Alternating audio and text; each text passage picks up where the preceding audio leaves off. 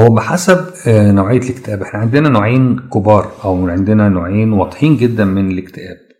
النوع الأولاني اللي هو بنسميه الاكتئاب التفاعلي وده اللي بينتج نتيجة التفاعل مع أحداث الحياة المختلفة. والنوع الثاني اسمه الاكتئاب الداخلي أو الاكتئاب ال- العميق. في الاكتئاب التفاعلي أنا عندي موقف معين أنا سقطت في امتحان أنا فقدت شخص عزيز أنا نتائج تحاليلي طلعت وحشة أنا مريت بظروف صعبة. فأنا بتفاعل مع الموقف وبشعر بالحزن تجاه هذا الموقف وبشعر بإن أنا مش مبسوط من اللي حاصل وبشعر بالإحباط الشديد وبشعر إن أنا ما كانش المفروض يحصل لي كده وليه أنا اللي يحصل لي كده دونا عن باقي الناس. وتستمر سلسلة من الأفكار والمشاعر السلبية بيدوروا جوايا لكن أنا واعي للي حاصل معايا أنا عندي بصيرة في اللي حاصل واللي حصل ده نتيجة ظرف معين. يمكن لما يتغير الظرف يمكن لو جه وراه ظرف تاني كويس الأمور عندي تتحسن. وده اللي بنسميه التفاعل مع الاكتئاب.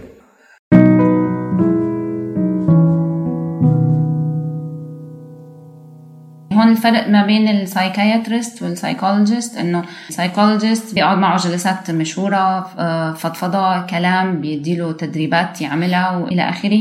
والطبيب النفسي مؤهل اكاديميا يعني مهنيا إنه يوصف دواء.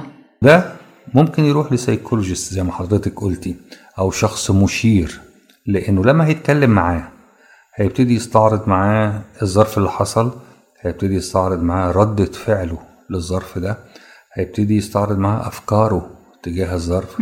هيبتدي يحاول يعمل معاه ما يسمى بالعلاج المعرفي السلوكي يعني يقول له آه، طب أنت بتفكر في الموضوع ده إزاي؟ طب هل الموضوع ده كله خسارة؟ طب ما كانش من ورا الخسارة دي أي نوع من أنواع المكسب؟ طب لو فكرت إنك تغير طريقة تفكيرك؟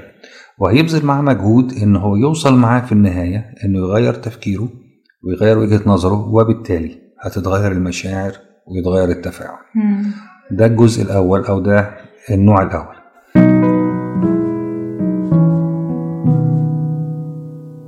النوع التاني اللي بنسميه الاكتئاب الداخلي أو الاكتئاب العميق ده المشكلة هنا حصلت جوه الجسم. حصل اختلال في بعض النواقل العصبية وحصل فيه مشكلة بحيث الأمر خرج عن السيطرة. بمعنى إنه حتى إذا تحسنت الظروف حوالين الشخص اللي بيعاني فهو مش هيقدر يحس إن هو اتحسن. هنا الأمر بقى مش في إيديه. هنا الأمر بقى بيتحرك بواسطة التفاعلات الكيماوية اللي بتحصل جوه جسمه.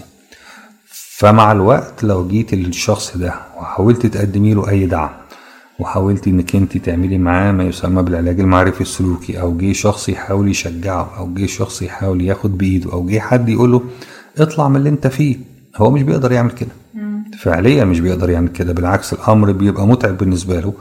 لأنه هو شايف نفسه مكتئب وزعلان وحزين وهو مش عارف ليه. مش قادر يدرك إن الأمر جواه وإن التفاعلات اللي جواه والكيمياء اللي جواه هي اللي عملت كده.